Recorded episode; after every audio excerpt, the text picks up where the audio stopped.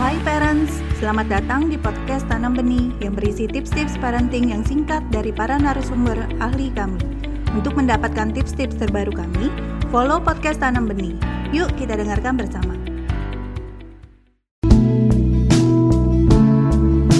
Hal-hal yang bisa kita sampaikan kepada anak-anak kita dalam membangun sikap toleransi adalah membiasakan untuk saling menghargai satu sama lain.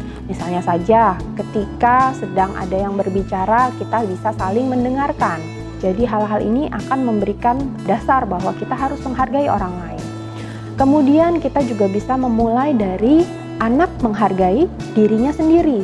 Dia menyadari apa sih kekurangan, kelebihan dirinya, dan hal ini dihargai oleh orang tua. Kemudian kita mulai mengenalkan anak kepada lingkungan yang lebih luas, yaitu lingkungan masyarakat yang tentu beragam.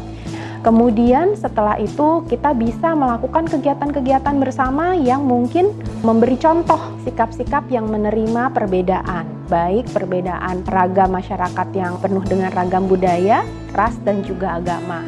Kemudian kita hindari sikap-sikap yang diskriminatif atau membedakan dari perbedaan-perbedaan tersebut. Kegiatan-kegiatan yang edukatif juga sangat bisa dilakukan bersama dengan anak. Misalnya, mengenalkan anak melalui buku cerita, melalui film tentang keberagaman Indonesia yang sangat kaya. Kemudian juga bisa dengan memperhatikan perbedaan karakteristik fisik anak ini sendiri maupun dengan teman-teman di sekitarnya kemudian juga dengan aktivitas bersama yang saling menerima satu sama lain.